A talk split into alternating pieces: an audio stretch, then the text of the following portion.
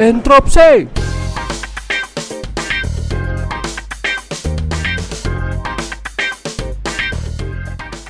Salam interupsi.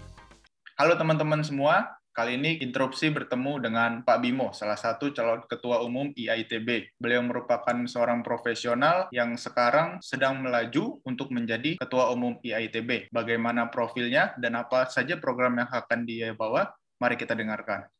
Selamat malam Pak Bimo, apa kabar Pak? Ya, selamat malam. Alhamdulillah. Assalamualaikum warahmatullahi wabarakatuh. Sehat walafiat. Alhamdulillah. Mantap sekali nih jawabannya. Sangat segar gitu ya. Dan juga kayaknya masih semangatnya masih muda ini ya Eh. malam-malam gini. Ya, nggak kalah pokoknya. Nggak kalah, siap. Oke. Kalau boleh tahu Pak Bimo nih kesibukannya apa nih untuk sekarang-sekarang ini Pak? Ya, jadi kesibukan saya tentu saja setiap hari sekarang saya kampanye terus ya kan. Ya ITB ini hampir setiap malam zoom terus. Pokoknya melelahkan lah ya ITB udah kayak pemilihan presiden eh, Amerika, udah bukan presiden Indonesia lagi, presiden Amerika kan gitu ya. Waduh, luar biasa. Nah, namun saya juga adalah pendiri dan CEO dari Euro Management Indonesia, konsultan pendidikan ke luar negeri. Jadi kita- saya membantu memfasilitasi anak-anak muda seperti kalian ini yang tamatan SMA, tamatan S1 untuk sekolah S1, S2 atau S3 di berbagai negara maju dunia. Jadi saya bantu aplikasi studinya, persiapan bahasanya, visa studinya, tempat tinggal, paspor, ya, sampai penjemputan dan sebagainya. Saya udah ngirim 2.000 orang terbesar di Indonesia, mayoritas ke Eropa karena di Eropa uang kuliahnya gratis. Jadi kalian kalau mau sekolah S2 yang belum, siap aku bantu kantorku di Menteng. Itu satu. Kedua, aku adalah ketua umum Ikatan Alumni Jerman, ketua Ikatan Alumni Amerika, dan juga Wasekjen Ikatan Pendidikan Muslim se-Indonesia. Jadi saya punya track record organisasi yang lumayan lah eh, selain nantinya insya Allah kalau di- menjadi ketua umum YITB, menambah jadi YITB juga. Demikian, Mas. Siap, mantap, jelas dan padat nih Pak. Dengan kesibukan yang sangat padat itu Pak. Nah, biasanya tuh em, apa ya orang-orang terdekat, keluarga begitu, gimana tuh Pak? Apakah terbengkalai juga atau gimana? Mungkin kayak sibuk iya. banget itu. Ya, eh, ya alhamdulillah sih anehnya nih eh, apa namanya saya orangnya fokus ya bekerjanya nggak sampai malam eh, ya. Jadi saya jarang lembur, jarang apa. Jadi saya kerja mungkin jam 9 sampai kantor ya. Jam 4 saya udah pulang ke rumah, udah itu aja. Jadi intinya saya selama dari jam 9 jam 4 tuh saya benar-benar efektif, produktif aja. Sehingga saya tetap bisa ketemu anak-anak, bisa ngurusin PR-nya. Apalagi sekarang Zoom kan, waduh anak saya kan ada yang SD itu dua ya kan, sehingga itu butuh pendampingan. Karena kalau enggak dia nggak ngerti apa-apa tuh soal Zoom, soal komputer dan lain sebagainya. Jadi alhamdulillah sih saya masih bisa apa mengontrol keluarga lah insya Allah. Karena apalagi sekarang kampanye juga melalui Zoom ini, jadi saya nggak perlu pergi-pergi, ada di rumah saja. Demikian. Cukup efisien gitu Pak ya kampanye kalau online Iya, juga luar ya. biasa nih, luar biasa. Nah, kalau motivasi sendiri apa Pak? Motivasi Pak Bimo untuk maju? Ya, jadi kan kalau dengar hearing saya ber, berpuluh-puluh kali ya, motivasi saya, saya merasa gini loh, bangsa Indonesia ini ada bangsa besar, bakal menjadi negara terbesar di dunia, lima besar kan semua tahu lah ya. Anak-anak muda juga tahu Indonesia kan menjadi ranking lima setelah Amerika, Cina, eh, Rusia, India katanya ya kan. Dan itu gara-gara Indonesia SDM-nya banyak, sumber daya alamnya banyak kan gitu ya, berlimpah. Nah, saya nggak yakin kalau ini tercapai kalau SDM-nya tidak unggul, tidak berkualitas. Nah, itu intinya kan gitu ya. Nah, itulah passion saya dari dulu dari sampai sekarang adalah bagaimana mengumpulkan dan mengidentifikasikan dan mensinergikan orang-orang pinter, orang-orang berkualitas ini. Nah, untuk itulah saya merasa ITB ini adalah kumpulan orang-orang pinter sebetulnya, ya kan?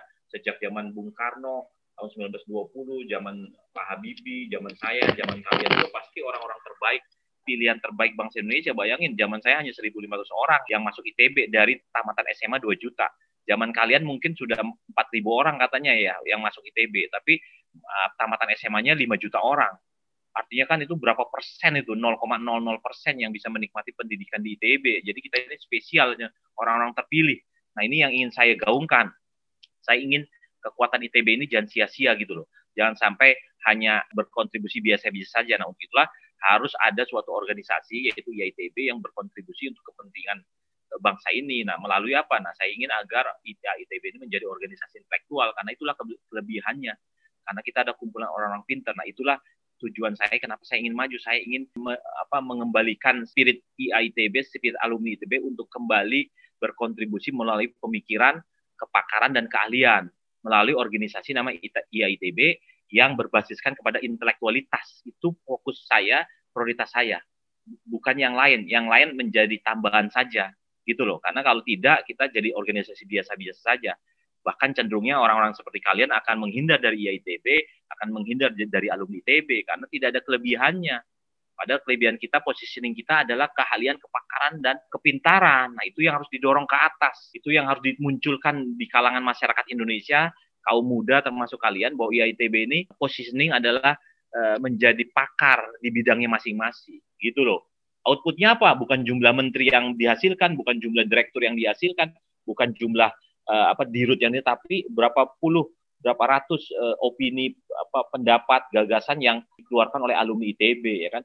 Berapa banyak diskusi-diskusi tentang startup yang dikeluarkan oleh alumni ITB berapa banyak capacity building membantu kalian untuk bisa menjadi pengusaha menja bisa menjadi apa namanya eh, peneliti bisa menjadi apa namanya uh, pakar di bidangnya? Nah itu yang akan kita dorong ya kan seperti itu itu loh oke okay. ini sangat menarik karena agak berbeda ya maksudnya Betul. POV dari tim Bimo ini agak berbeda dengan yang lain karena kalau yang lain itu memang lebih banyak membawa tentang internal. Nah, kalau ini iya. memang ingin mengembalikan apa ya? Mengembalikan kemampuan juga ya, kemampuan dan Betul. juga potensi mahasiswa ITB.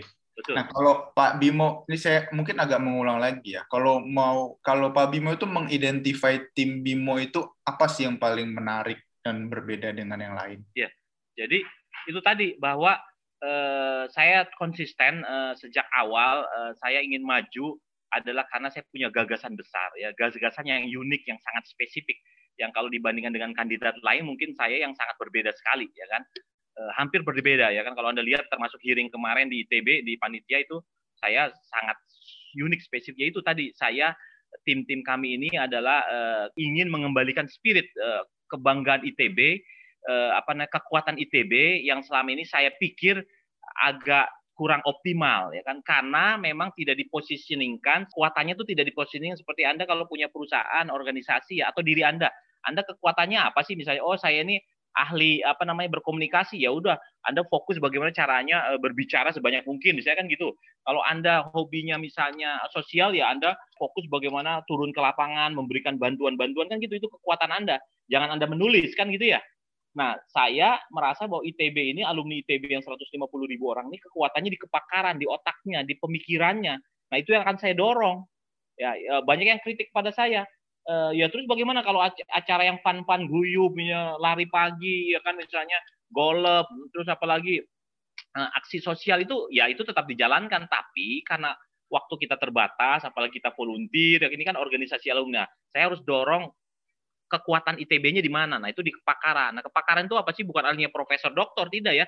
Tapi saya akan mengumpulkan orang-orang pinter di ITB yang punya kepakaran baik itu di berbagai bidang ya kan? Nah itu akan saya tentukan ada lima bidang. Ada bidang ICT energi dirgantara SDM pendidikan dan beberapa lagi lah.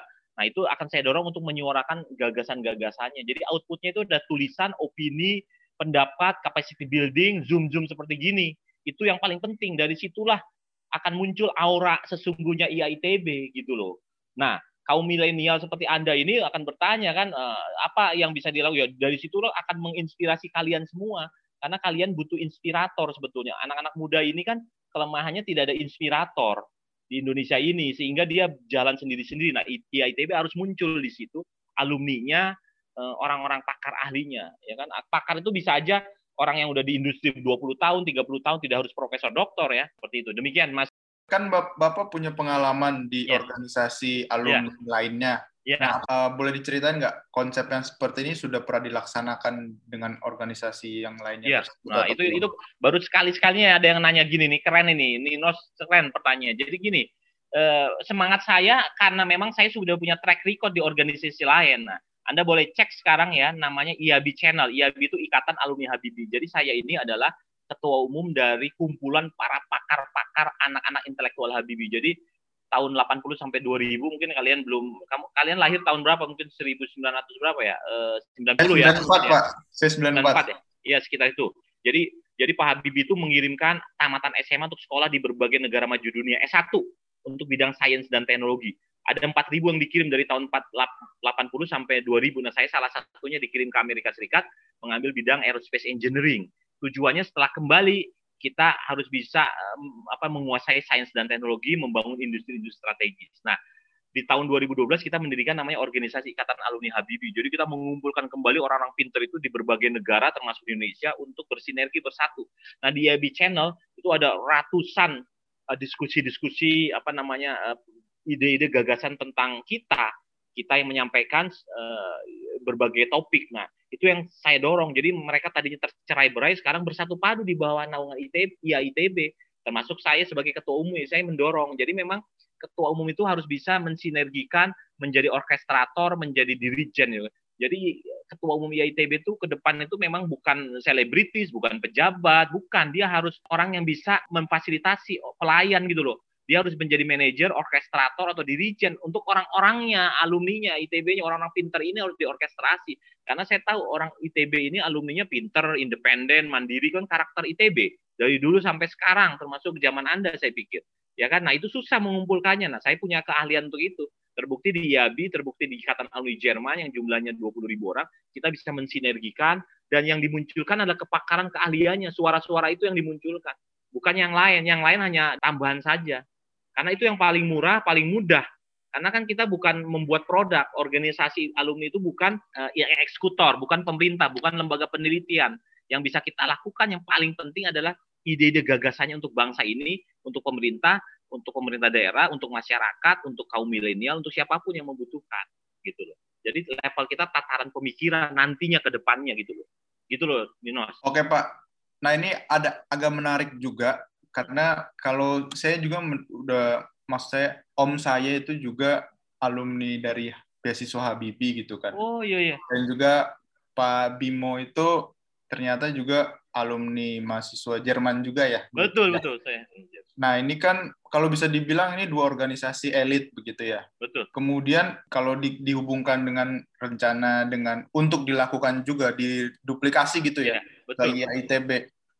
Nah, itu ada opini, ada acara begitu. Kira-kira strateginya gimana sih buat scale up? Nah, ke kemudian diintegrasikan juga kalau mau kita punya mimpi yang tinggi misalkan dengan program pemerintah gitu contohnya. Iya, jadi e, memang e, arah ke depan saya saya ingin sebetulnya mensinergikan berbagai kekuatan organisasi intelektual di Indonesia. Ya kan, baik itu IABI, Ikatan Uli Jerman, ICMI, itu kan Ikatan Cendikian Muslim se-Indonesia itu juga apa didirikan oleh Pak Habibie ya. Beberapa minggu lalu saya juga baru saja diminta menjadi ketua Ikatan Alumni Amerika nih. Ini baru saya ucapkan di sini, ketua Ikatan Alumni Amerika namanya Alumnas karena ke kebetulan saya juga alumni Amerika ya semua pada antusias untuk meminta saya menjadi pengurus karena memang punya saya track recordnya. Nah untuk IAITB ini tentu saja saya merasa bahwa ini organisasi yang lebih besar dari semuanya ya kan. Karena kalau IAB 4.000 orang ya kan, IAJ mungkin sekitar 20.000 orang lah itu alumni Jerman di Indonesia di mana pun ya kan. Terus ICMI juga mungkin 2.000 3.000 ya kan? Karena itu lebih senior ya kan. Nah ITB ini kan levelnya 150.000 orang ya kan? Alumninya ya. Tapi mungkin yang bisa kita grasp ya kan?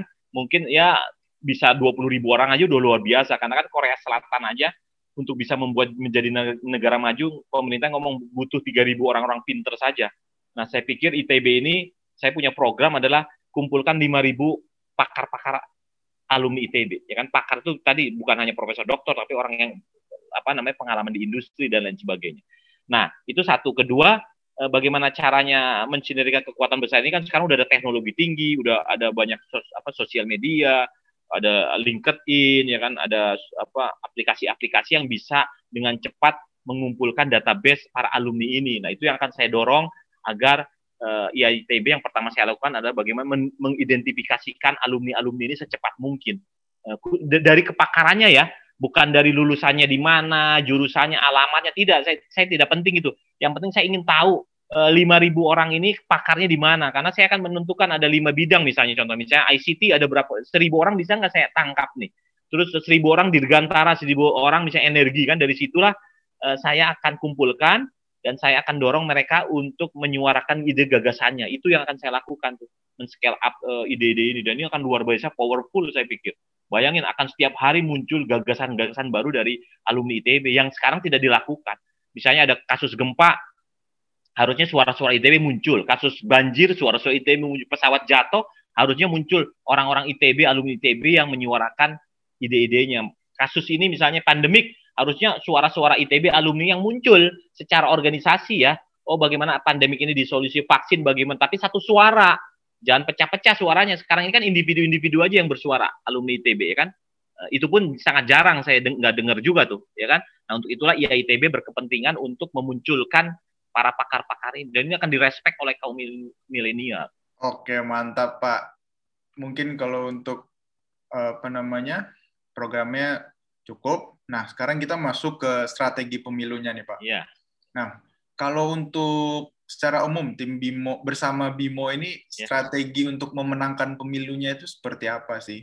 Ya. Oke, jadi pertama ya tentu saja eh, karena saya termasuk orang baru lah di di ITB ya kan di lingkungan ITB ya kan dibanding kandidat lain yang lebih senior kan gitu ya. Tentu saja saya mengakui bahwa eh, belum banyak mengenal saya kan gitulah makanya satu saya ingin mengeluarkan gagasan besar yang saya yang yang harus saya gaungkan supaya saya unik Eh, berbeda dengan yang lain. Karena kalau saya sama saja ya susah untuk mendiferensiasi kelebihan saya dengan yang lain kan gitu. Nah untuk itulah gagasan besar saya satu-satunya dari kandidat itu yang menggaungkan terus-menerus ya saya. Yaitu apa? Gagasan besar IAITB harus menjadi organisasi intelektual. Itu itu berulang-ulang saya sampaikan supaya orang paham mengerti. Banyak kritik juga karena kalau IAITB menjadi organisasi intelektual yang milih eh, Mas Bimo atau Bimo ah, hanya lima persen katanya ada yang ngomong gitu kenapa karena kaum intelektual di ITB hanya 5%. Loh, kok gitu? Sisanya berapa? Sisanya 50% kaum pragmatis. Oh gitu. Sisanya lagi yang masa bodoh gitu loh katanya. Oh gitu ya. Terus saya nggak percaya. Artinya orang itu terlalu tidak pede gitu. Kalau saya yakin bahwa alumni ITB semuanya adalah kaum intelektual. Karena saya tahu cara dididiknya, proses masuknya, ya kan? Ya Mas Nino kan dari zaman Anda sampai dari zaman dulu Habibie sampai saya sampai Ninos kan itu seleksinya susah, tesnya susah, masuknya terpilih gitu. Artinya kita ini sebetulnya basically adalah kaum cendikiawan, ya kan? Meskipun beda casing ya kan, zaman Pak Habibie seperti itu, saya gini, Anda milenial mungkin lebih tampilannya lebih rileks, tapi sebetulnya Anda ada pakar-pakar, orang-orang ahli, orang-orang apa namanya uh, punya apa interest kepada dunia science, uh, teknologi dan uh, apa namanya uh, kepintaran. Nah, itu. Jadi saya yakin tetap 100% yang milih saya.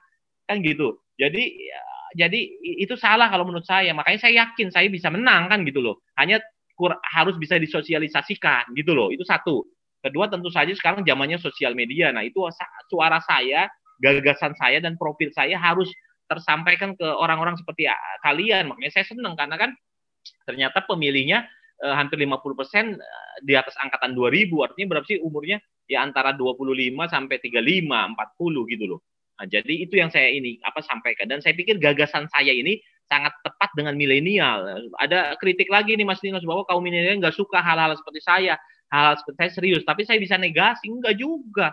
Kata siapa Anda merendahkan orang-orang milenial, merendahkan kaum muda, kaum muda semangat untuk menjadi apa menunjukkan kepakan keahliannya ada. Cuma memang prosesnya berbeda caranya. Tapi intinya tetap sama bahwa kita ini adalah orang terbaik bangsa Indonesia. Kita ingin berkontribusi. Nah, untuk itulah IITB harus mengkontribusinya sesuai kepakarannya, sesuai kekuatan apa namanya positioning yaitu apa? Ide gagasannya harus dikeluarkan bukan bukan action uh, di lapangan kalau menurut saya gitu. Tapi nanti saya bisa terjemahkan untuk urusan uh, milenial dan lain sebagainya. Demikian. Oke mantap sekali Pak Bimo. Baru saja menjawab tiga pertanyaan sekaligus. Nah ini mau nanya nih Pak.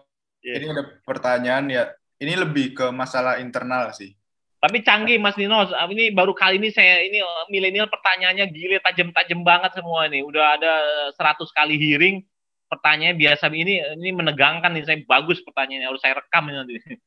Keren. Siap, terima kasih Pak. Nah, ini kan kalau kita ketahui bersama, Sekre IAITB itu masih belum punya IAITB ya. sendiri ya, masih punya PT KAI. Nah, menurut Pak Bimo itu bagaimana ya untuk Sekre IAITB sendiri? Nah, kalau menurut saya gini loh, ini sekarang zaman udah teknologi canggih, sudah mobile ya kan? Bukan zaman bahala lagi, udah bukan zaman saya, zaman Pak Habibie di mana kita harus punya fisik gedung. Eh, sangat mubazir sekali kalau fokus kita untuk membeli gedung atau punya gedung udah udah no make sense. Zamannya sekarang virtual office ya kan? kaum milenial ya kan punya usaha startup ya kan nggak punya kantor tapi uh, produknya outputnya miliaran kan gitu jadi kalau menurut saya sih saya tidak terlalu interested dengan uh, gedung ya kan? Yang saya interested adalah bagaimana output keluaran dari Ikatan Alumni ITB. Apalagi sekarang kita bisa mobile, bisa Zoom dan di mana-mana kan gitu. Sekretariat boleh penting tapi eh, jangan sampai uang besar hanya dijadikan untuk gedung gitu loh. Kan kita ini organisasi alumni yang bukan kayak kantor perusahaan di mana everyday kita harus ada kan gitu. Jadi kita bisa main di virtual office, ya kan, uh, mobile, bahkan kita punya kantor di mana-mana nanti, ya kan? Canggih gitu. Itu arah saya ke depan seperti itu. Makanya dalam program saya saya tidak pernah nulis bahwa iya ITB harus punya gedung. Tidak, udah bukan zamannya lagi. Kita zaman mobile, bergerak ya kan. Kita bisa fisiknya di sini, bisa di Bandung, bisa di Jerman, bisa di Amerika. It's, it's not make sense lagi kalau kita ingin punya gedung atau ingin punya tempat ya kan. Bahkan sekarang perusahaan-perusahaan asing nggak punya gedung. Mereka hanya sewa, rent dan lain sebagainya. Bahkan mainnya di virtual office sekarang. Very efisien gitu loh, Mas Dinos. Oke, sekarang kita masuk ke bagian kedua, Pak, yaitu this or that. Nanti Please. kami kasih dua pernyataan, tinggal dipilih aja, Pak ya. Yap. Oke, kita mulai, Pak. Ih, ngeri ini. Pak Bimo lebih suka ITB di gerbang depan atau di gerbang belakang? Depan. Bandung Utara atau Bandung Pusat yang kayak Braga gitu, Pak? Bandung Pusat, Pusat Braga, kuno. Siap. Uh, lebih milih mobil bahan bakar fosil atau mobil listrik, Pak? Listrik sekarang mah zamannya udah. Nah, yang terakhir nih, Pak, fundamental dan mungkin harus dijawab ini alasannya ya. Iya. Kalau makan bubur, Bapak diaduk atau enggak diaduk, Pak? Uh, enggak diaduk. Kenapa, Pak? Kalau diaduk jadi jorok ngelihatnya jadi geli gitu ya. Jadi saya makannya dari depan dari atas nikmat itu. Oh siap. Berarti Pak Bimo golongan estetis ya kurang lebih ya. Siap, sudah cukup seperti itu aja Pak dari kami. Pak Bimo silakan kalau untuk mau kasih closing statement dan ya, segala macam. Ya. Jadi ini closing statement penting nih Kak. Semoga didengar oleh kaum milenial karena kan selalu keputusan pemilihan IITB ini memang didominasi uh, berdasarkan statistik dari ka kalian semua. Nah, untuk itulah banyak pihak ini meyakinkan para kaum milenial dan saya juga ingin meyakinkan bahwa gagasan besar saya ini sangat cocok dengan kalian semua. Kenapa? Karena apa namanya uh, bangsa ini uh, bergantung kepada kalian yang usianya 20 30 apalagi Indonesia akan menuju Indonesia emas 2045. Lima besar dunia. Harapan kita lah udah bukan di saya, saya hanya fasilitator saja nanti sebagai ketua umum, tapi Andalah yang akan uh, berkecimpung, yang akan berdarah-darah, yang akan apa apa masuk ke ke ranah peperangan tuh ya kalian di tahun 2045 itu which is mungkin umurnya 40 nantinya kan. Jadi untuk itulah saya bertanggung jawab agar IAITB agar alumni ITB ini siap mental uh, siap berkontribusi untuk bangsa ya kan, untuk masyarakat, untuk kalian semua. Nah, melalui apa? Harus melalui organisasi intelektual itu yang harus didorong oleh ketua umumnya. Ya bukan bukan yang lain yang lain hanya tambahan saja tapi prioritas utama adalah bagaimana eh, kami-kami ini yang usianya 40 50 menginspirasi Anda ya kan? Mengedukasi Anda mendorong Anda membantu Anda agar Anda bisa siap mental nanti di di peperangan 2045 di tahun Indonesia Emas 2045 caranya bagaimana? Kalian semua harus di-equip dengan kemampuan pemikiran, kepakaran, pengalaman, ide-ide gagasan yang harus ditularkan dari kami semua ini yang sudah punya pengalaman mungkin 20-30 tahun. Gitu loh. Jadi itu yang ingin saya sampaikan, harus melalui organisasi intelektual. Jadi kalian ini menjadi subjek dari organisasi IITB dan karena itulah saya ingin kalian semua bersama-sama membangun IITB yang usianya 20-30 malah kalian inilah hanya ujung tombak kita. Tanpa kalian, wah kita nggak bisa bergerak karena kita udah out of date sebetulnya dari ilmu, dari teknologi, kan gitu ya. Tapi gagasan besar tetap mungkin kami e, bisa lebih e, mengenal karena kami lebih punya jam terbang lebih tinggi. Nah itu yang yang kami e, siapkan. Anda lebih kepada kemampuan teknis, operasional, teknologi itu sehingga digabungkan antara gagasan dan keahlian teknis itu akan powerful luar biasa. Dan itulah kami siap membawa alumni ITB yang 150 ribu orang termasuk ribuan orangnya dari golongan apa muda usia muda seperti kalian ini 20 30 untuk menjadi organisasi besar, bukan organisasi biasa-biasa saja apalagi ece-ece, tidak mau. Saya tidak ikhlas, kalian juga pasti tidak ikhlas,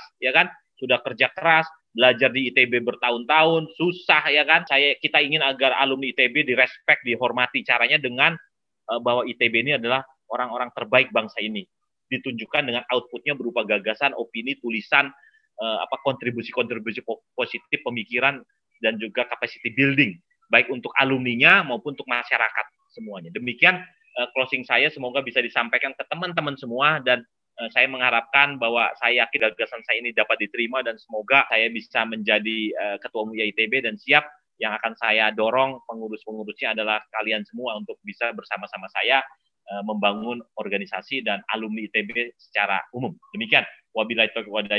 Wassalamualaikum warahmatullahi wabarakatuh. Maju terus ITB, maju terus alumni ITB, maju terus bangsa Indonesia. Oke, mantap. Terima kasih banyak Pak Bimo Sasongko atas waktunya. Teman-teman interupsi, demikian hasil perbincangan kami dengan Pak Bimo Sasongko, salah satu calon ketua umum IAITB. Saksikan terus episode interupsi selanjutnya bersama dengan pemilu IAITB. Salam interupsi.